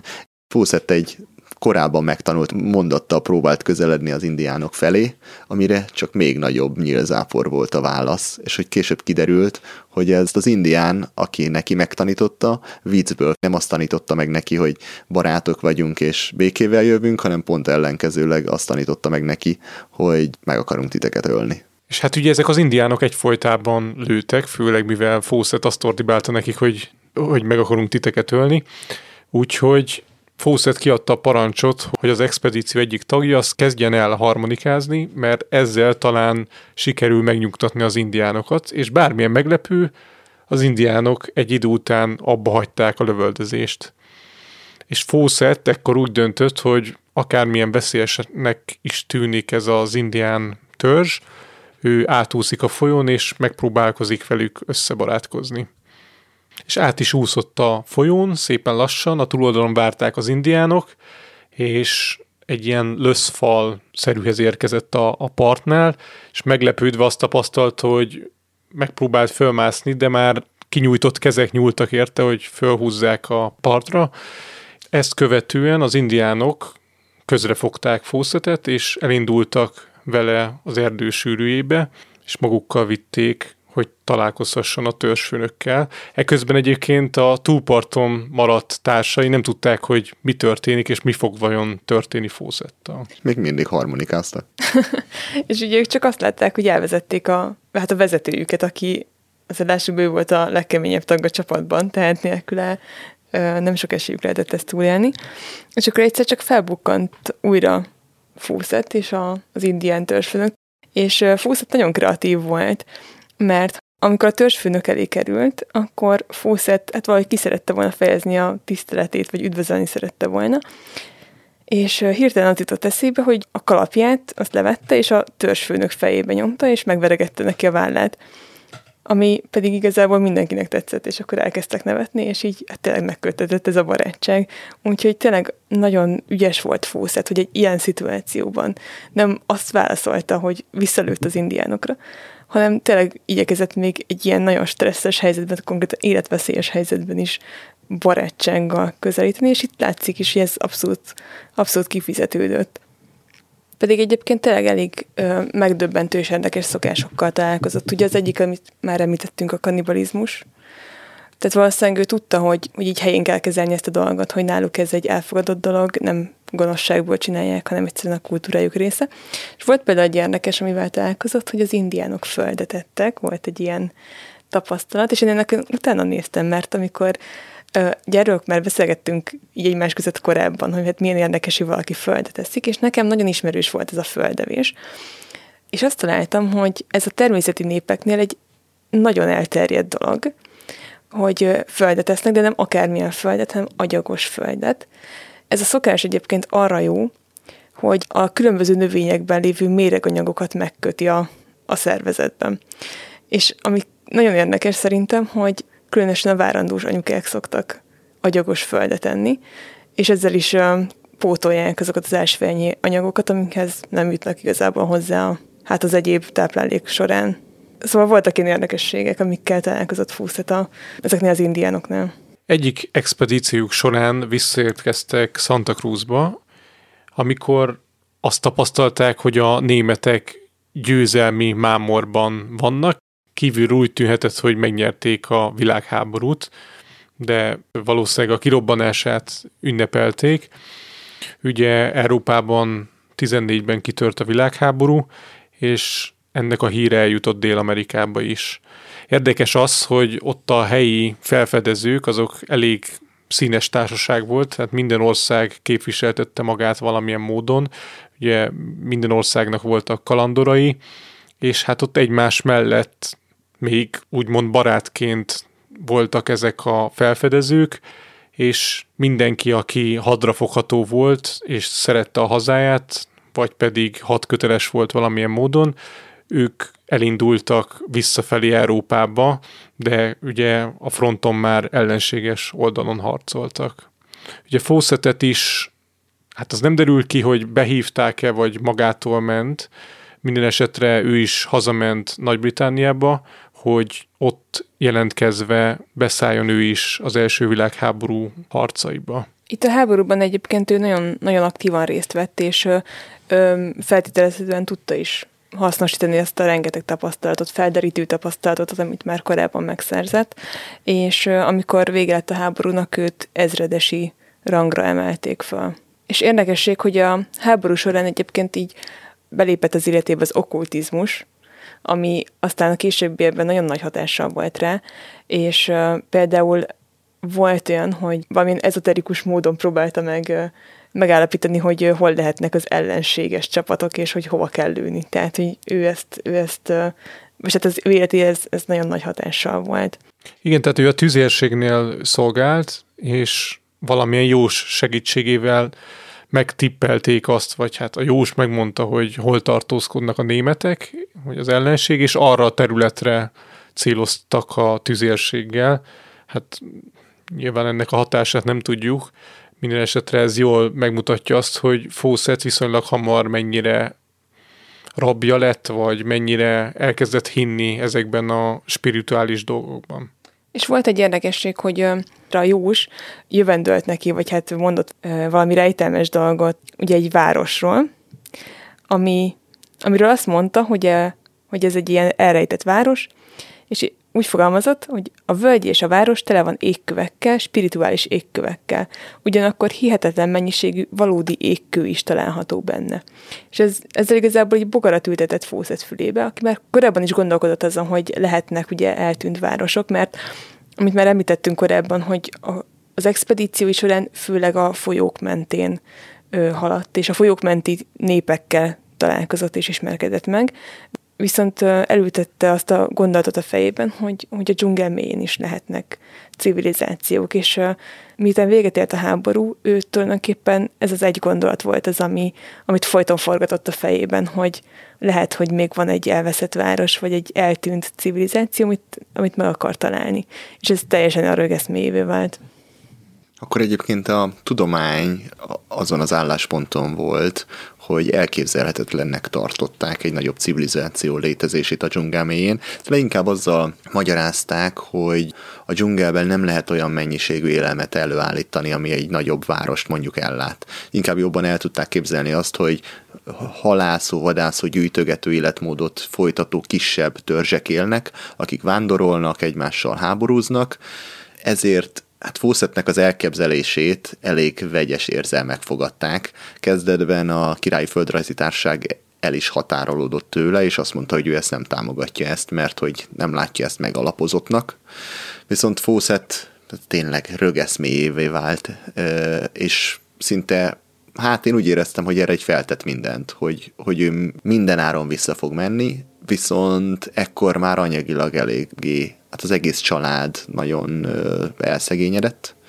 Most már nem is emlékszem, melyik könyvben volt, de hogy a házukat is el kellett adniuk, el kellett költözniük, és hát a család is eléggé megszenvedte ezt, hiszen ők maradtak otthon, ők neki kellett szegények körülmények között élni, miközben Fószat fogta a pénzt, és elindult, hogy akkor ő egy expedíciót visz Dél-Amerikába, ahol mihez még mindig nem volt elég pénze, és amihez még mindig támogatókat kellett szereznie, a, ami expedícióhoz társakat kellett szereznie, korábbi társai közül sajnos egyikőjük se tudott velük menni. Kostin megnősült, a hű, hűséges társa meg megnősült, és azt mondta, hogy bár csak elmehetne vele, de ő neki most családi kötelezettségei vannak otthon, és nem mehet, nem mehet el, nem hagyhatja otthon a feleségét. Másik hűtársa Manly, ő hát a háborúban, vagy a háború után elhunyt, úgyhogy ő nem mehetett vele, és Fawcett félt attól, hogy kit visz magával, hogy nehogy elrabolják tőle ezt a sikert, vagy ezt a, ezt a felfedezést. Igen, már a háború alatt egészen rettegett attól, hogy valaki, ugye Amerika később lépett be az első világháborúba, és addig az amerikaiak amikor Fawcett már harcolt, közben Amerika küldött felfedezőket Dél-Amerikába, ugye nekik nem kellett foglalkozni eleinte a háborúval, és volt egy Dr. Rice nevű férfi, aki hát mondhatjuk azt, hogy riválisa volt Fawcettnek, ő is, hát mondhatjuk, hogy az elveszett várost kereste többek között, viszont ő egy multimilliómos volt, és neki az anyagi lehetőségei sokkal jobbak voltak, mint Fawcettnek, Érdekes az, hogy honnan volt egyébként a vagyona. Ugye 1912. áprilisában süllyedt el a Titanic, és Dr. Rice-nak a felesége az egy özvegy volt, akinek a milliómos férje a Titanicon veszett oda, vagy a Titanic katasztrófában, és ennek köszönhetően lett olyan gazdag Dr. Rice, és hát Fawcett mindig őt tekintette riválisának. Ő több száz kísérőt fel tudott bérelni, egészen újszerű módon hidroplánnal kezdte el az őserdőt felfedezni, és hát így mondhatjuk azt, hogy nem volt túl kiegyenlített a kettejüknek a expedíciós lehetősége, ugyanakkor ott van, hogy Fawcett mindig is amellett volt, hogy minél kevesebben menjünk, mert úgy sokkal barátságosabbak tudunk lenni a, az indiánokkal, valószínűleg kevésbé fogunk velük összetűzésekbe keveredni, és így sokkal nagyobb lehetőségünk van arra is, hogy felfedezzük Zét, az elveszett várost. Úgyhogy pont ezért választott maga mellé két olyan társat, akik ebben a feladatban fel tudnak nőni hozzá. Hát igazából az egyik fiát vitte magával, vagy választotta magának e- erre az útra, Jacket, ő volt ugye az első, első fia, és Jack, hát mondhatni, hogy készült erre az útra. Egyébként én feltételezem, hogy szegény Jack egy idő után ráddöbbent, hogyha minőségi időt akar tölteni az apjával, akkor muszáj lesz neki elvándorolni a dzsungelbe, mert Fawcett konkrétan több időt töltött, mint Londonban. Úgyhogy Jack komoly fizikai felkészülést hajtott végre annak érdekében, hogy itt megállja a helyét. Másik társuk pedig Jack egy barátja, Rayleigh volt, aki viszont nem volt ennyire jól felkészült. Ők nagyon fiatalok voltak egyébként, 23 évesek, és előtte semmilyen expedíciós tapasztalatuk nem volt. Londonban nőttek fel, vagy hát ugye a Fawcett család sokat költözött, főleg Fawcett miatt, de az fontos tudni, hogy ennek a két fiúnak nem volt tapasztalata a dzsungellel, és mégis szerettek volna Fawcettel tartani. Ti mit gondoltok, hogy mit szólhatott ehhez a felesége, Nina? Férjed 20 éve járja a dzsungelt, van egy rögeszméje, elkölti a családi vagyont, most el akarja vinni a nagyobbik fiadat is. Szerintetek támogatta? Örülni biztos nem örült neki, de én láttam egy dokumentumfilmet erről, és ott azt mondták, hogy ugye ez az okkultizmus, hogy ez nagy szerepet játszott Fószat életében, és hogy ezt a felesége is átvette. Tehát, hogy bennük igazából már, már lehetett egyfajta ilyen meggyőződés, hogy, hogy nekik ez így ilyen sorsuk, vagy legalábbis Fószatnak legalábbis ez egy sorsa, hogy ő felfedezzen egy eltűnt civilizációt, és mivel azért rengeteg expedíciót sikeresen végigvitt, meg, meg túlélt ezer veszélyt, ugye a háborút is, szerintem így, így érezhette magában ezt a potenciált, meg ezt a, ezt a küldetést, hogy neki ezt, ezt, ez, a, ez a végzete. Úgyhogy hát igen, itt, itt igazából az egész család életét tulajdonképpen Fawcett rögeszméje határozta meg. És egyébként a, volt egy, volt egy könyv, ami, ami nagy hatással volt Fawcettre, ez egy 1753-as portugál napló volt, aminek az volt a címe, hogy történelmi beszámoló egy nagy, titkos és nagyon régi városról, amelyet az 1753-as évben fedeztek fel. Tehát ez volt a könyvnek a címe, és ez egy portugál kalandor naplója volt, amiben azt írja, hogy az embereivel Brazília őserdeiben kincseket kerestek, és egy hegylánc mellett egy emberkéz alkotta utat találtak meg, amit követtek, és felértek egy hegy tetejére, ahol egy csodálatos látvány tárult a szemük elé, egy ősi város romjait pillantották meg. És hát Fawcett igazából ez volt a legnagyobb bizonyíték, amivel érvelt a királyi földrajzi társaságnál is, és ez volt az, amire alapozta azt, hogy, hogy ez nem egy légből kapott dolog, hanem ez egy valós, valós város, és ezt meg, meg akarja találni.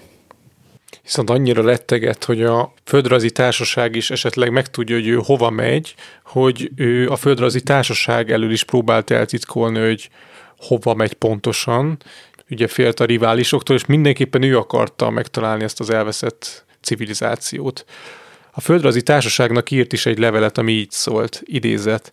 Nem mondhatok el mindent, amit tudok, még a helyet sem adhatom meg, mert ezek a dolgok kiszivárognak, és semmi sem lehet keserűbb élmény annál, mint egy úttörő felfedezi, hogy életének koronáját elragadták tőle. Idézet vége. Úgyhogy pont ezért utólag is nehéz volt meghatározni, hogy vajon Fawcett merre ment a dzsungelben. Ugye arról már beszéltünk, hogy anyagilag nem volt egyszerű összehozni a pénzt az expedícióra, ugye a maradék pénzét erre áldozta, valamint több amerikai újságnak eladták gyakorlatilag a licenszét, vagy nem tudom, hogyan fogalmazzak, tehát a történetüket, és ők voltak azok az újságok, akik, hogyha valamit tényleg találnak, ők lehozhatják premierben ezeket a történeteket, és ebből sikerült annyi pénzt szerezni, hogy össze tudták szedni az expedícióhoz szükséges anyagokat. Illetve a, ezek az újságok az expedíció közben is folyamatosan írtak Fawcettről, hogy merre járnak. Kicsit olyanok lehettek, mint akkori egy utazó bloggerek, és amikor például New Yorkba érkeztek, akkor tömeg várta őket akik folyamatosan követték, és a mai beszámolók szerint körülbelül 40 millió ember követte az ő útjukat, hogy merre járnak és hova fognak menni, és, és mindent velük kapcsolatban. Úgyhogy később ezt az egész Fawcett mániát és legendát, ez nem, nem is csoda, hogy ekkorára nőtt, hogy már akkor ennyi ember követte őket.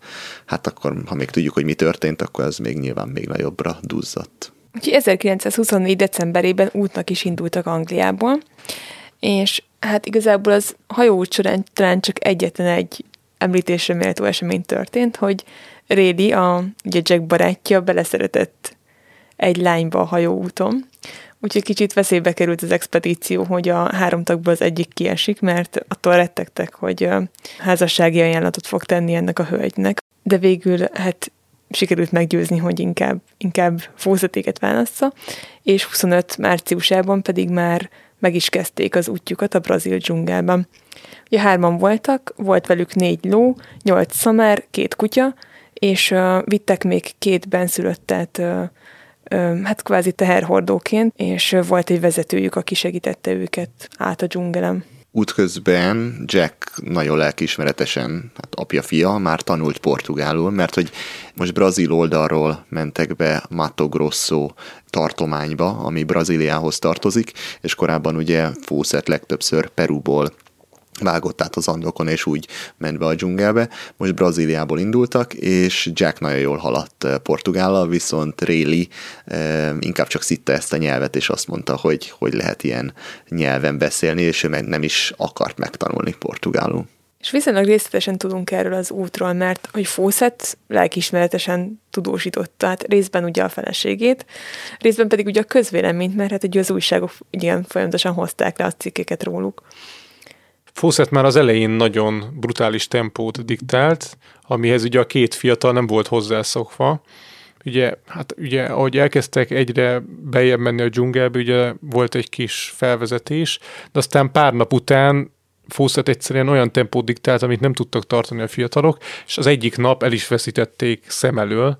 Fawcett annyira előre ment, hogy nem találták a nyomát. És a két fiú, a kísérőkkel együtt megérkeztek egy útkereszteződéshez, és nem tudták, hogy Fawcett vajon melyik irányba indult. Úgyhogy a nyomokat próbálták kutatni, és az alapján mentek tovább az egyik úton, így szállt le az este, és így kellett tábort venniük, hogy nem tudták, hogy Fawcett merre van. Hát, vagy egyáltalán, hogy éle. Tehát itt igazából én már úgy képzelem el őt, hogy ugye ő ekkor itt 57 éves volt és hát egy fantasztikus fizikummal rendelkezett, tehát én úgy képzelem el hogy egy ilyen nagyon szikár, erős ember volt, és én biztos, hogy benne mert totál rögeszmés volt. Tehát, hogy ha ezt, ezt így megcsinálta, hogy így eltűn, eltűnik szem elől, ez nekem például egy tök felelőtlen dolognak tűnik. Ugye részben nyilván azért, hogy hát aggódnak érte az emberek, és nem tudják, hogy merre menjenek, meg hogy, hogy hol van. Másfelől, hogyha esetleg vele történt volna valami, akkor konkrétan nem tud értesíteni senkit, vagy senki nem tud rajta segíteni. Tehát így ez... Ezen én is nagyon meglepődtem. Szerintem nagyon felelőtlenség. Te el tudod képzelni, hogy viszed a fiadat, meg a legjobb barátját a dzsungelbe, akik akkor vannak ott életükben először, és te annyira sietsz, hogy ott hagyod őket, és amikor sötétedik, akkor nem az, hogy visszamész hozzájuk, hogy jaj, ne izguljatok meg, van ám a papa, hanem majd visszamegyek reggel. Igen, de meg főleg az, hogyha tényleg bármi történt volna vele. Tehát így Fawcett nekem így olyanok tűnik így a leírásaiból, mint hogyha ilyen, nem tudom, rajta is nem fogna semmi. Tehát, hogy rá így nem veszélyes a dzsungel, hogy, de azért mégis, tehát hogyha bármi történt volna, nagy Isten megcsípe egy kígyó, mert pont belelép, vagy akármi, akkor, akkor nem tudott volna segítséget hívni, tehát simán meghalhatott volna. Meg ugyanaz bármi történhetett volna a srácokkal. Igen. Tehát, hogy nem azért kell, hogy, hogy ő vele ne történjen, vagy be, bele is történhetett volna, de hogy ott van a gyermeke, a gyereke, aki most van életében először a dzsungelben, ha eltéved, mi ha bármi történik velük. Úgyhogy ez nekem is nagyon fura volt, hogy így eltűnt. És hát akkor, mikor más, másnap felkeltek, még mindig sehol, és hát már épp a reggelítették, amikor egyszer csak megjelent, és, és akkor így megjelent lóháton, és akkor így mondta, hogy a hups, hát én elkalandoztam. és amit el lehet még mondani, Rélit nagyon megviselte ez az egész út, vagy ez az egész expedíció. Tehát, hogy ő abszolút nem volt erre felkészülve fizikailag, és Fawcett írásából tudjuk, hogy egyszer azt kritizálta, vagy azt kifogásolta Réliben, hogy ahelyett, hogy vidám és eleven lenne, álmos és hallgatag. Amit én azért meg tudnék neki bocsátani, tehát konkrétan ismerve Fawcettet, így az eddigiek alapján egy brutális tempót diktált, és hát ember legyen a talpán, aki ezt bírja. Egy hónap után elérték a Bakairi állomást, ami az akkori civilizációnak a végpontja volt, és innen már az ismeretlenbe vitte az útjuk. Tehát, hogy igazából eddig még talán a helyiek segítségét tudták kérni, viszont innentől már abszolút magukra maradtak, és Rélit haza is akarta küldeni Fószet, hogy uh, látta rajta, hogy, hogy nem biztos, hogy ő erre alkalmas, viszont Réli ragaszkodott ahhoz, hogy a barátjával maradjon, úgyhogy végül is, végül is hárman folytatták az utat. Idáig ugye Fawcett rendszeresen leveleket küldött minden faluból, városból, ahonnan lehetett, illetve a helyiek is, a helyi indiánok is kivitték az ő leveleit. Az utolsó levél 1925. május 29-ei, amiben Fawcett azt írja, hogy rengeteg a légy és vadméhek milliói támadják őket, akkor azt írták, hogy a halott ló táborában vannak, ahol már korábban is többször volt, és ennek a koordinátáit is elküldte. Viszont az első kérdés ezekkel kapcsolatban, hogy az elküldött koordináták azok nem pontosak.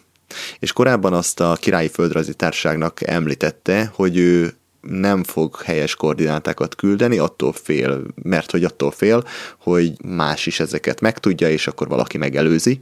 Úgyhogy nem lehet tudni, hogy ő direkt küldött rossz koordinátákat, vagy ő maga is rossz helyre helyezte önmagukat, de lényeg az, hogy ezek a, ezek a koordináták későbbi expedíciók szempontjából fontosak, de erről majd beszélgetünk még később, és hát a, a mondat, amivel lezárja az utolsó levelét, az utolsó sor, az idézem, ne aggódj, nem történik semmi baj, idézet vége, írta ezt Ninának a feleségének. És gyakorlatilag ez volt az utolsó hír róluk, és ezután örökre eltűntek. Egyébként ő korábban meghagyta, hogy, tehát, hogy ő tudta, hogy, hogy előfordulhat, hogy akár hónapokig senki nem fog róluk hallani, mert pont, hogy mert tudta, hogy itt vissza kell fordítani az utolsó kísérőt is, aki ugye viszi a leveleket a, hát vissza a civilizációba. Úgyhogy ő előre figyelmeztetett mindenkit, hogy, hogy ez, ez előfordulhat, hogy hónapokig nem adnak magukról életjelent, és azt is meghagyta, hogy ha esetleg eltűnnének, akkor ne küldjenek értük mentő expedíciót, és valószínűleg azért, mert tudta, hogy mennyire veszélyes hely a dzsungel. Pont ezért, mivel Fawcett azt mondta, hogy lehet, hogy hónapokig, vagy akár egy évig nem fog visszatérni a civilizációban, pont ezért nem is indítottak semmiféle mentőexpedíciót egy csomó ideig, annak ellenére, hogy nem tudtak róluk semmit.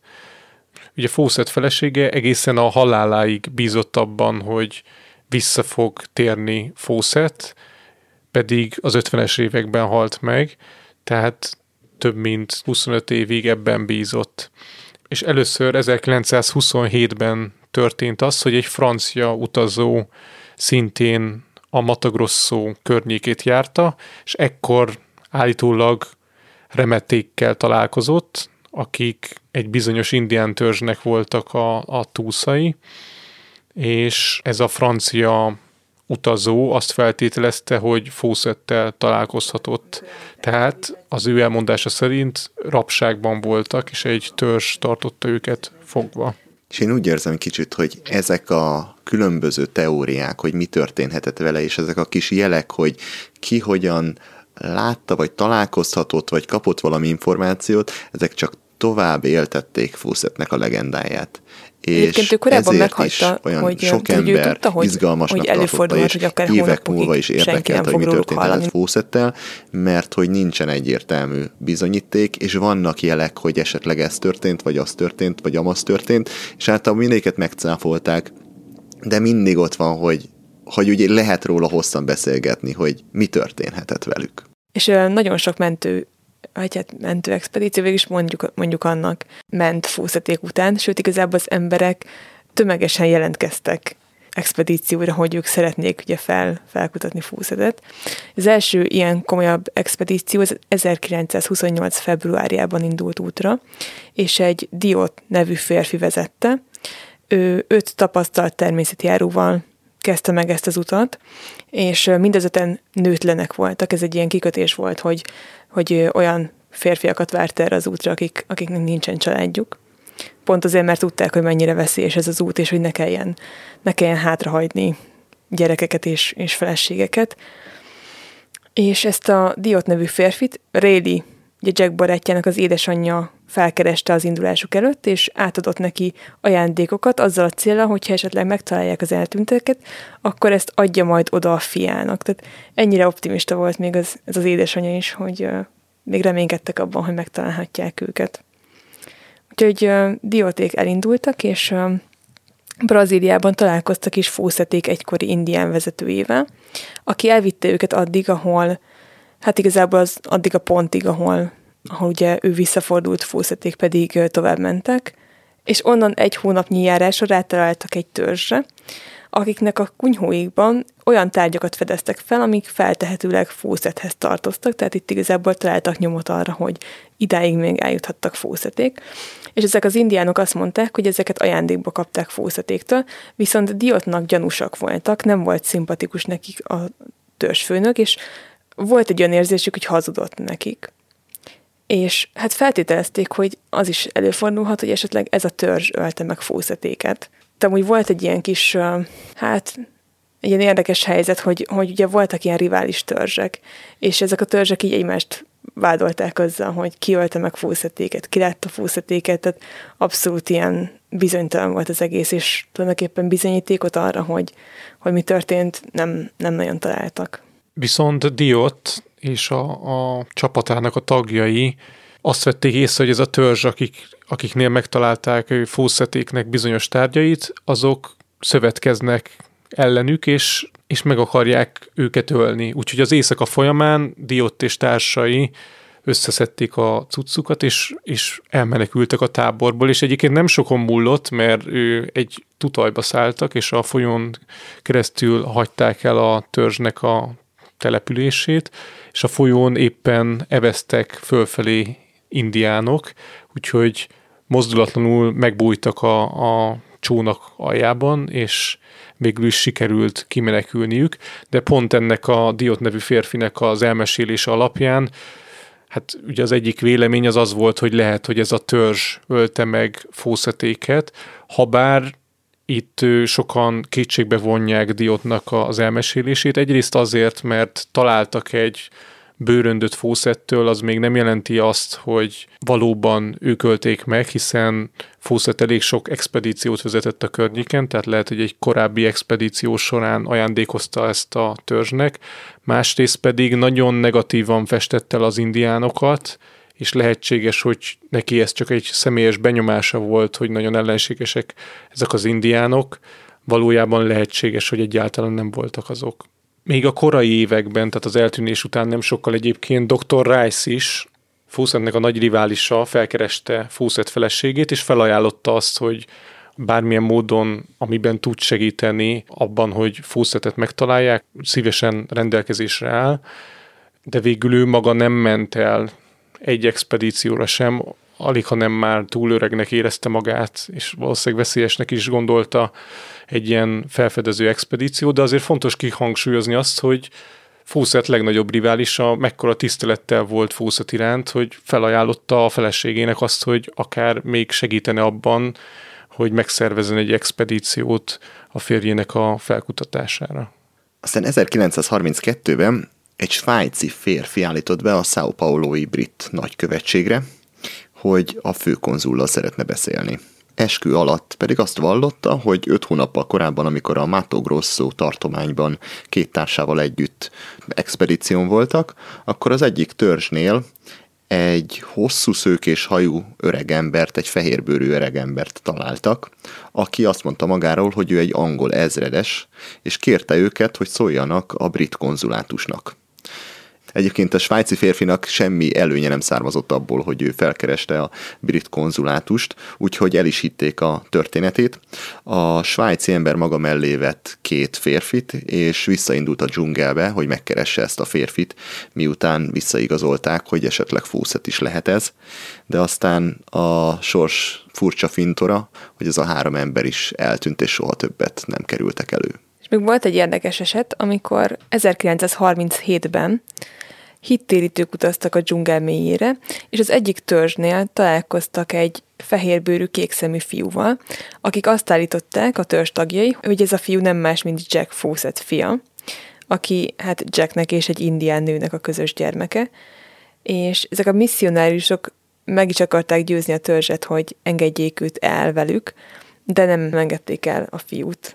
Viszont pár évvel később egy újságíró is felkereste ezt a vidéket, egy multimilliómos ember megbízásából, és az volt a feladata, hogy hozza haza a Fawcett unokáját, tehát ugye ezt a fehérbőrű kékszemű fiút, és az újságíró magával is hozott valakit, egy, egy fehérbőrű embert, Viszont ő egy fehérbőrű indián volt, ami a 40-es években igencsak érdekes volt, tehát ez egy szenzáció volt, és akkor kiderült, hogy ez a fiatal fiú egy albinó indián, nem pedig Fawcett unokája, és miután ez kiderült róla, itt igazából már nem érdekelte a közvéleményt, és, és egyszerűen kihajtották az utcára ezt a fiút, aki azt, azután idegen földön magányosan halt meg, valószínűleg alkohol problémák következtében. Nem sokkal később, 1951-ben pedig felreppent egy olyan hír, hogy a kalapaló indiánok bevallották, hogy ők voltak azok, akik megölték Fúzetet, és erre bizonyítékaik is vannak, ugyanis náluk vannak az ezredes csontjai.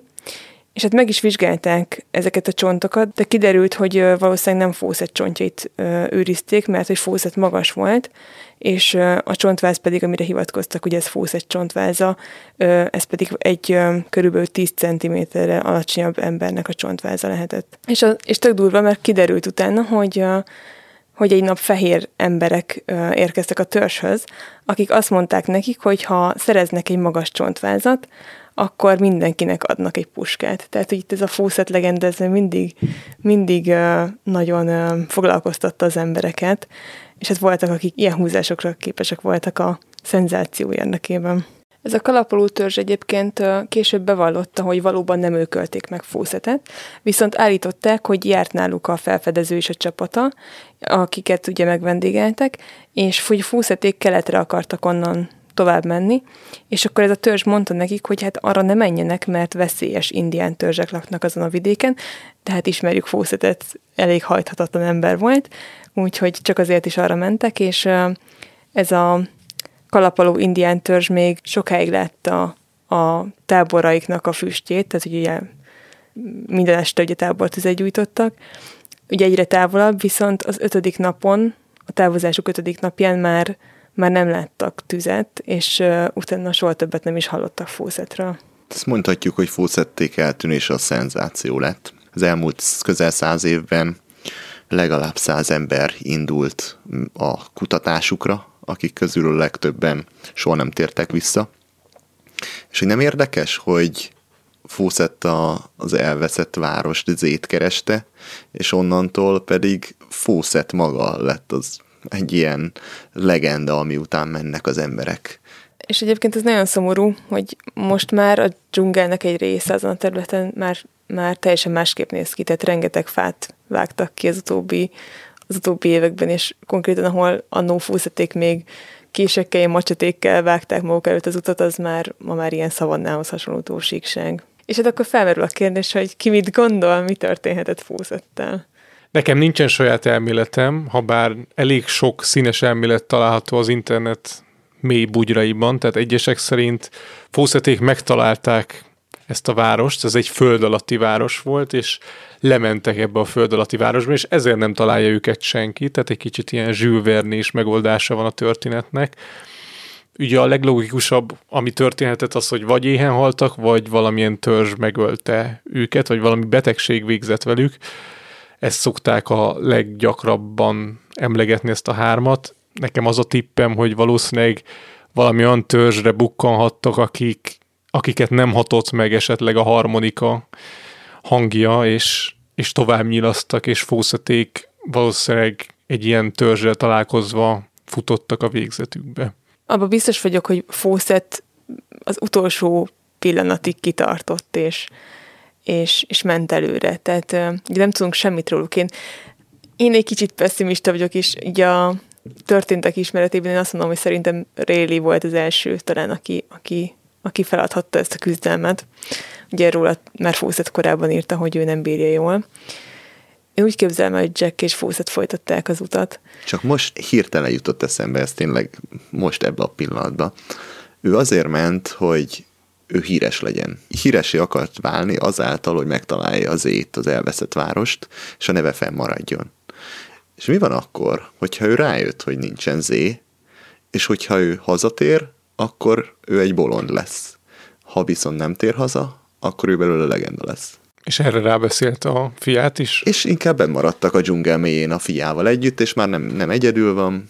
Ez csak most jutott eszembe. Nem, ez egy dörzsölt elmélet egyébként. Mondjuk az angol úriembertől kevésbé képzelem el, vagy tudom elképzelni, hogy egy ilyet meghúzzon, de akár lehet ez is egy logikus magyarázat. Szerintem, szerintem nem jöttet rá, hogy nincs. Mert amennyit be tudnak járni, tehát amennyit egy élet alatt bejárhatsz a dzsungelben, tehát igazából az kevés. Igen, ez mondjuk mindenképp ellene szól, hogy sok évig kereste, és még valószínűleg 20 expedíciót csinált volna, hogyha 30 kilométerrel arrébb járhatja keresztül a dzsungelt, hogy hát, ha ott lesz. De... Végülis ezzel az eltűnésével lett legendás. Hát igen, ez tagadhatatlan. És, és szerinted András mi igen, történt? András dob le az atombombát. Ezek, ezek csak ilyen eszmefuttatások, de szerintem is az történt, hogy a túlságosan nagy magabiztossága egyszerűen faképnél hagyta, és találkozott egy olyan törzsel, ahol nem működött ez, ahol, ahol megpróbált barátságos lenni, és nem így fogadták. Mondjuk egy kannibál törzs, akiknek éppen szükségük volt egy áldozatot bemutatni, és kapóra jött a fehér ember.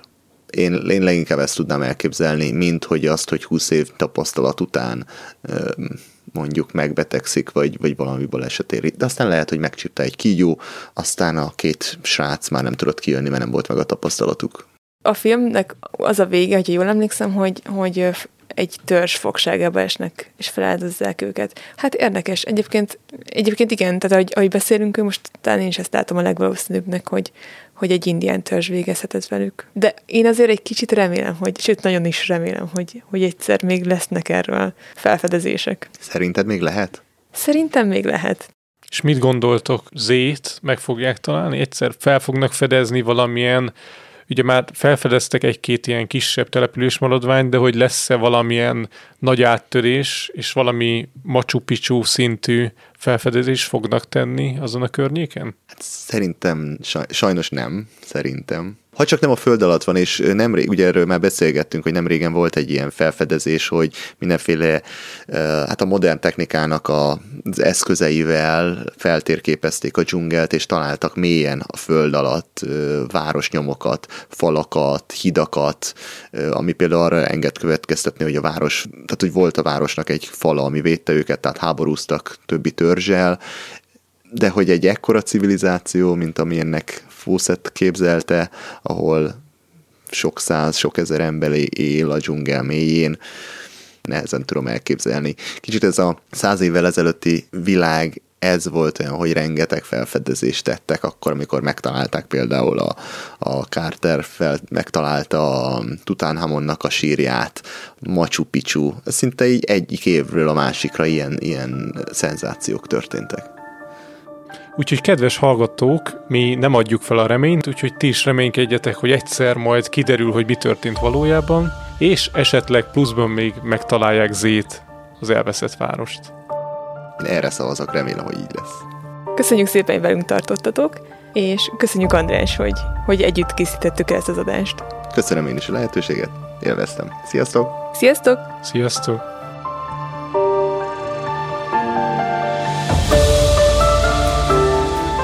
A mostani adáson kívül hadd ajánljak nektek két további részt a Hihetetlen Történelem podcastből. Az egyik a 22. adás, amiben Magellán földkerülő expedíciót ismerhetitek meg. Például, hogy ő miért csak majdnem hajózta körbe a földet. A másik pedig a 37. rész, a Kontiki expedíció, amiben egy több száz évvel ezelőtti csendes óceánt átszelő tutajos expedícióról hallhattok. Ami a mostani adást illeti, mindenképpen érdekel, hogy nektek hogy tetszett, mert terveim szerint a jövőben is csinálok hasonló úti könyvadaptációkat. Téma az van bőven. Úgyhogy kérlek küldjetek nekem visszajelzést, hogy mi az, ami tetszett, és mi az, amiben lehetne még fejlődni. Ami a jövőbeli epizódokat illeti, természetesen érkeznek a következő interjúk hihetetlenebbnél hihetetlenebb kalandokról és történetekről. Hogy ezek a részek is időben és zöggenementesen érkezzenek, abban te is tudsz támogatni egy jelképes havi összeggel Patreonon keresztül. Tudjátok, sok kicsi sokra megy. A támogatásért cserébe ti különböző előnyökben részesültök, mint például kibővített extra tartalom, vagy éppen reklámmentes adás. A podcast Patreon oldalát megtalálod a patreon.com per utazási podcast címen, vagy keresd a linket az epizód leírásban. A végére nem maradt más hátra, mint hogy elköszönjek tőletek. Engem Mátai Andrásnak hívnak. Sziasztok!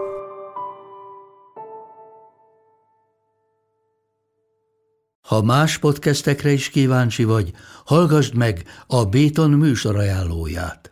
El tudod képzelni, hogy a podcastet, amit éppen most hallgattál, fél év múlva már a mesterséges intelligencia generálja? Mi sem. De ha érdekel, eljötte már a gépek lázadása. Hallgass bele az Embertelen podcastbe. Orsós Lajos vagyok, a műsor házigazdája. Egyelőre még élőben. Egyelőre. Fedezzük fel együtt, hogyan ismerkedik, randizik, mesél és vitatkozik Betty és Péter, két teljesen mesterséges intelligencia. Lajos, a podcast címét mond még egyszer, Léci. Oké. Okay. Embertelen podcast. Ez a műsor a Béton közösség tagja.